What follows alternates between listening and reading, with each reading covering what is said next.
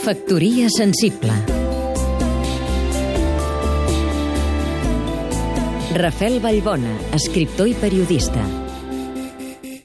Dec ser dels pocs que pensa que els llibres i diaris de paper encara els queda molta vida, que el lloc natural de veure una pel·li és el cinema i que la música en directe i a frec de pell no té rival. Els meus estudiants em miren com qui es trobés un diplodocus a la Rambla, i molts companys, tocats per la impostura que diu que el món digital és el d'avui i la resta, rèmores del passat, em diuen que m'ha enxampat la moda vintage. Tot pot ser, però si mantinc la idea de que els suports clàssics encara no han dit la darrera paraula és per algun motiu. Primer, encara hi ha un gruix important de consumidors culturals, perdonin l'expressió, que prefereixen llegir en paper i veure al cinema. Segon, hi ha gèneres que encara no han trobat l'encaix a les pantalles dels tablets i els smartphones. I tercer i fonamental, perquè el model de negoci en l'univers digital no està encara clar i definit ni de lluny. I si no hi ha negoci, no s'enganyin. És que el món digital està més a les beceroles del que diuen i volen.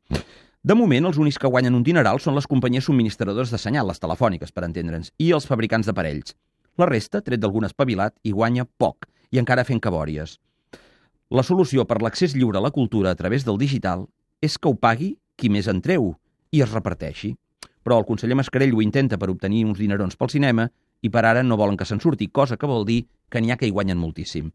Desenganyin-se, mentre el model de negoci no estigui definit, els cines, les llibreries i les sales de concerts els queda molta vida, cosa que celebro, per cert. Factoria sensible Seguim-nos també a catradio.cat